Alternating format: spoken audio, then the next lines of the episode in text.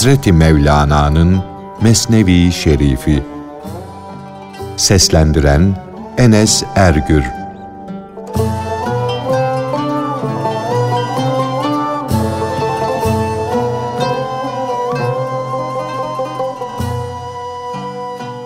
Mahmur Türk emirinin seher vakti çalgıcıyı çağırması.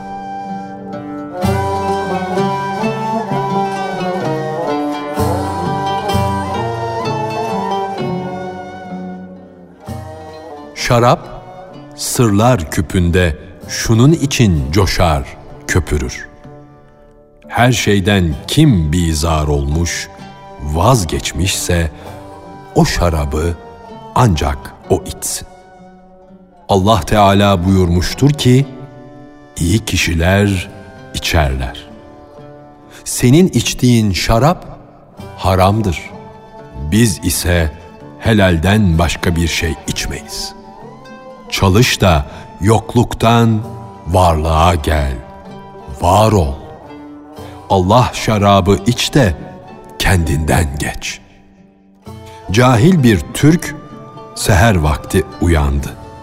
Şarabın verdiği mahmurlukla bir çalgıcı istedi. Can çalgıcısı sarhoşların dostudur. Sarhoşun mezesi de odur, gıdası da, gücü kuvveti de odur. Çalgıcı onları sarhoşluğa doğru çeker, götürür. Sonra yine sarhoşluğu onlar çalgıcının namesinden, nefesinden tadarlar. O hak şarabı insanı o çalgıcıya, can çalgıcısına götürür. Bu ten şarabı ise nameyi bu çalgıdan dinler. Sözde ikisinin de adı birdir.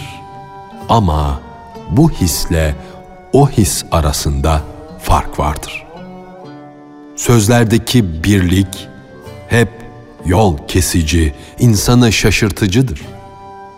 Ateşe tapan bir insanla Allah'a inanan bir müminin birliği, benzerliği ten bakımındandır.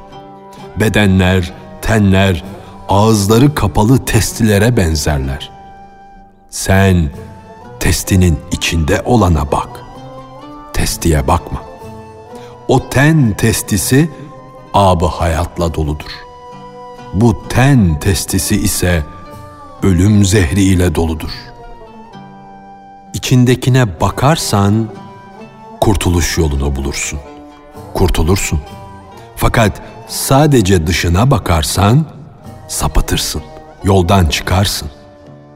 Sözü, kelimeyi şu beden gibi bil. Manası, ne olduğu can gibi onun içinde saklanmıştır. Ten gözü daima teni görür. Can gözü ise hünerlerle, meziyetlerle dolu olan canı görür. Allah Allah! Arif bir kimse şaraptan bahsetse onu manasız sanma. Onun nazarında şarap bildiğimiz maddi şarap da değildir. Arif için hiçbir şey yok değildir. Her şeyin bir manası vardır. Senin anlayışın şeytan şarabına benziyor. Rahman şarabına senin aklın ermez. Vehmin oralara kadar yükselmez. Bu ikisi musiki ile şarap eştir, eşittir. O buna koşar gelir, bu ona koşar gider. Mahmurlar çalgıcının nefesinden gıdalanırlar. Çalgıcı da musikinin tesiriyle onları meyhaneye götürür. Birinci meyhane ten meyhanesi aşk meydanının başı, başlangıç noktası.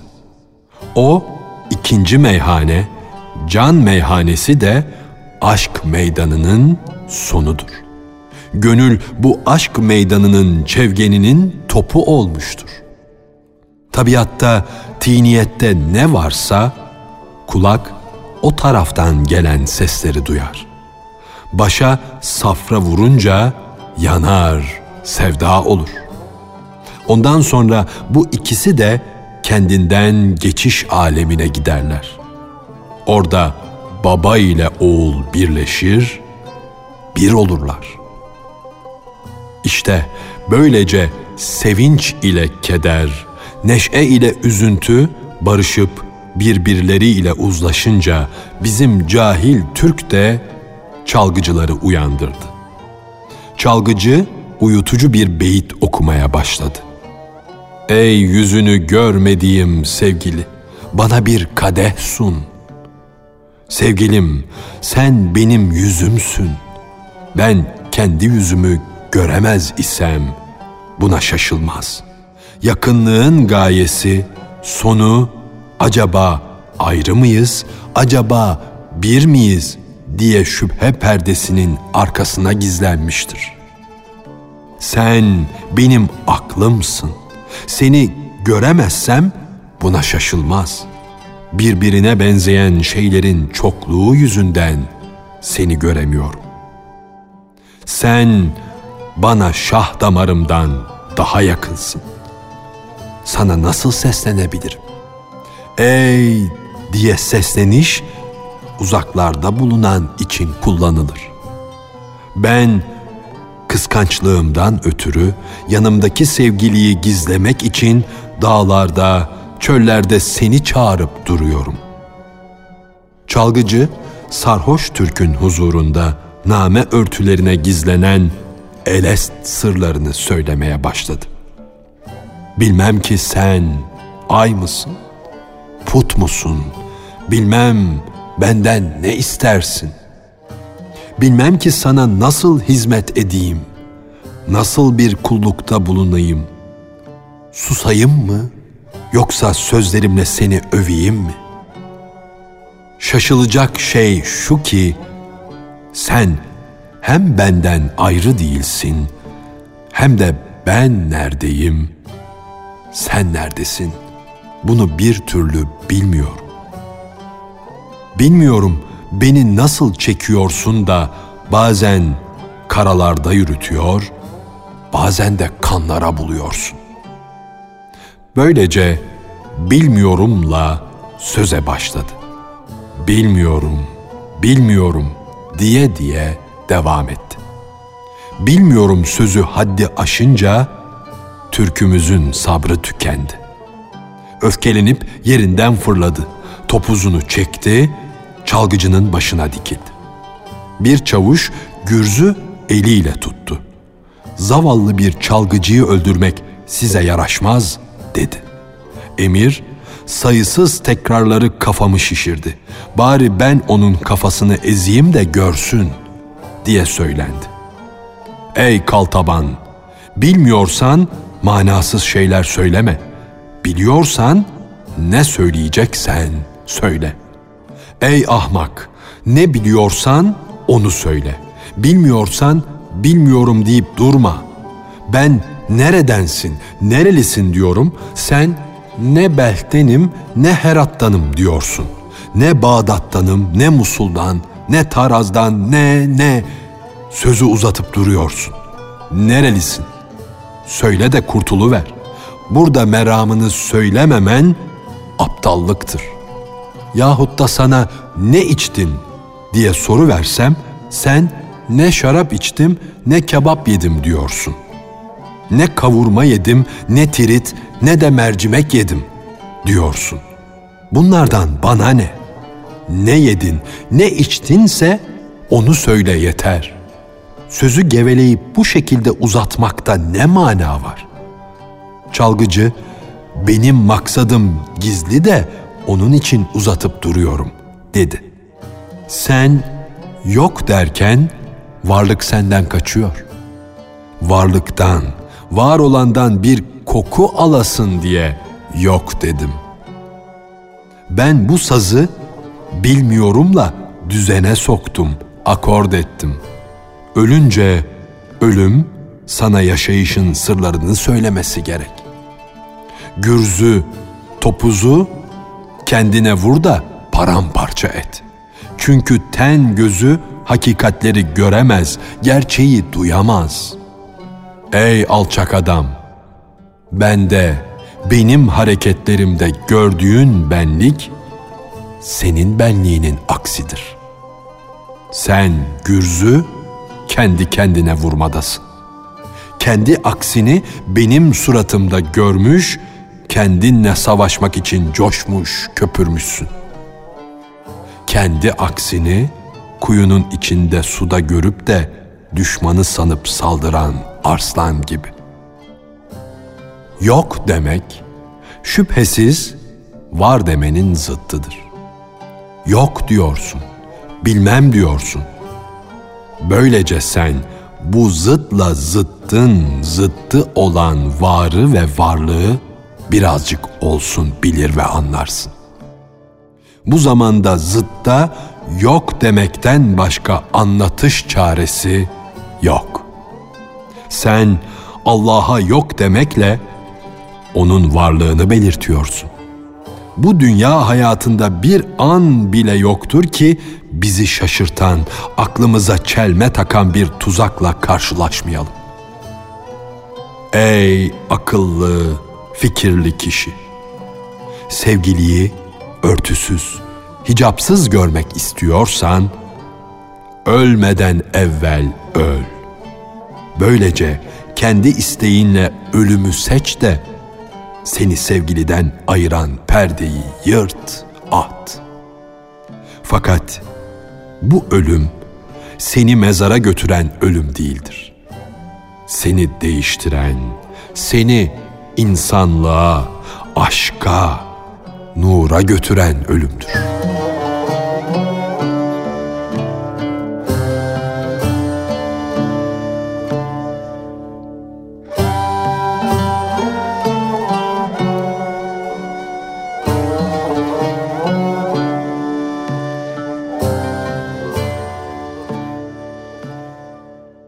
Kim yeryüzünde gezen bir ölü görmek isterse Hazreti Ebu Bekir'e baksın.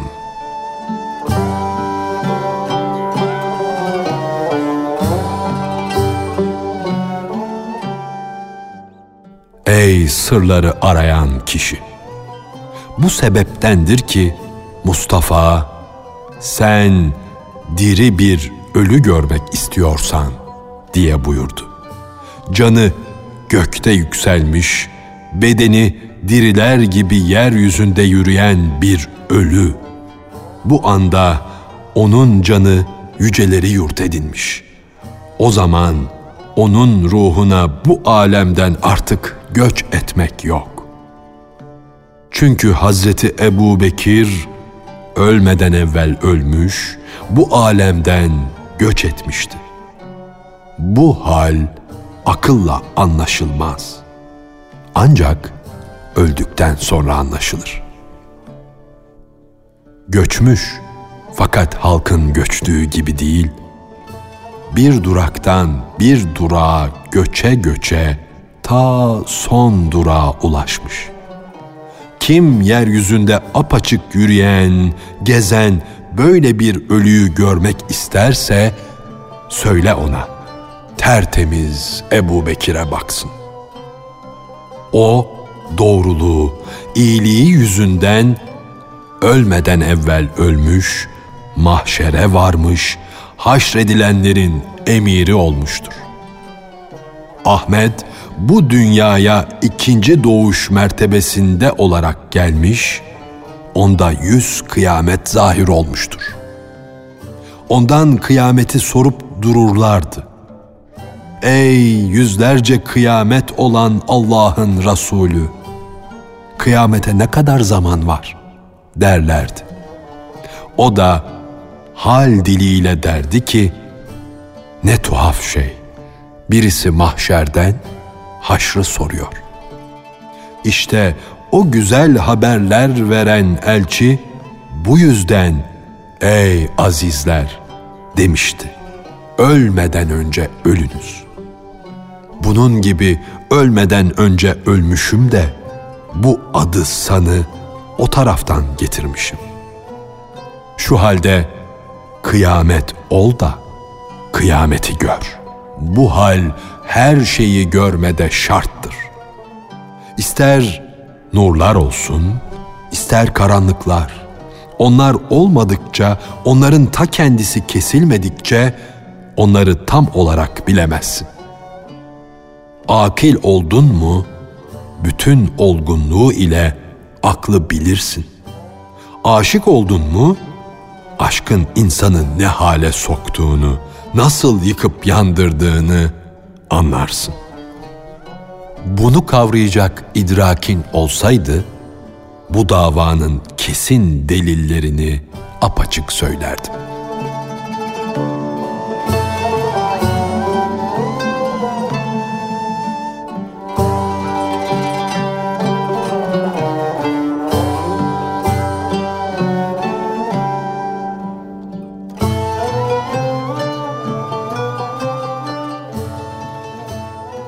Bütün dünya, herkes, her an can vermede, ölüp gitmededir.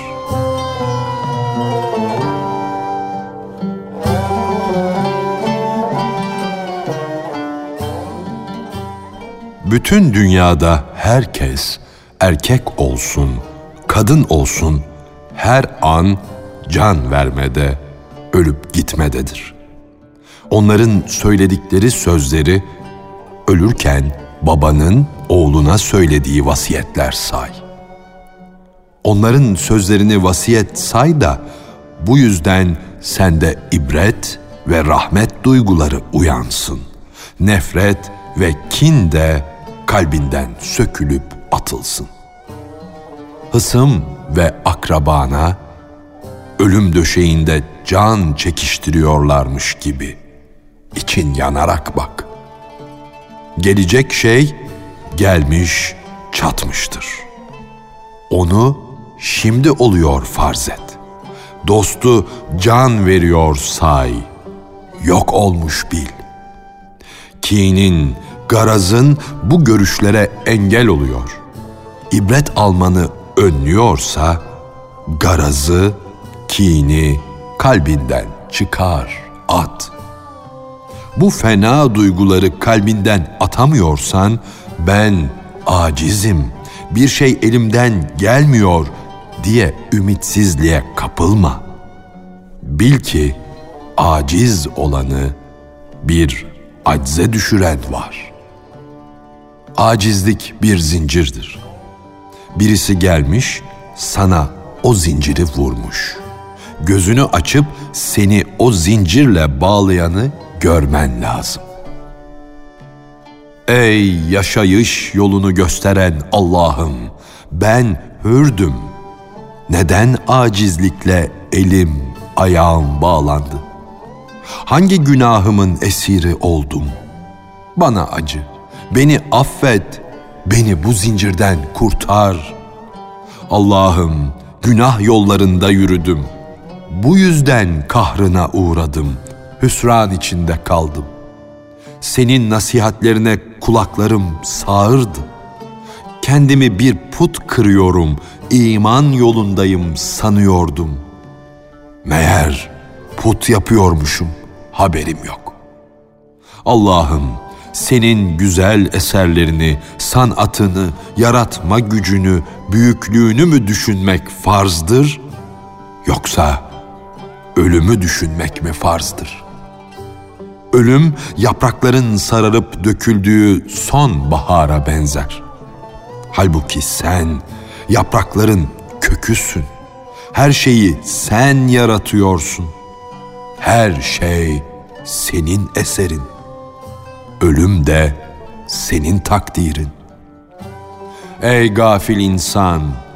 Zaten ölüm sen dünyaya ayak bastığından beri davulcuğunu çalar durur. Fakat sesler senin bir kulağından girer, öteki kulağından çıkar.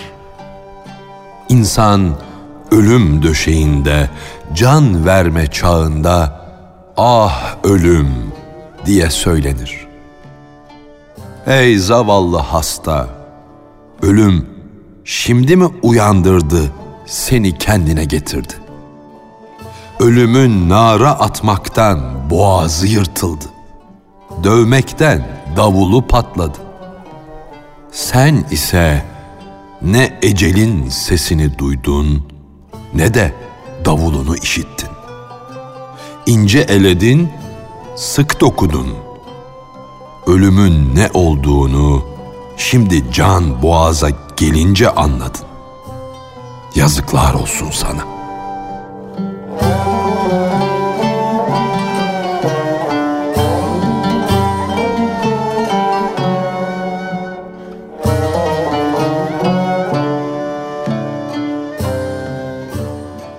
Hazreti Mevlana'nın Mesnevi Şerifi. Seslendiren Enes Ergür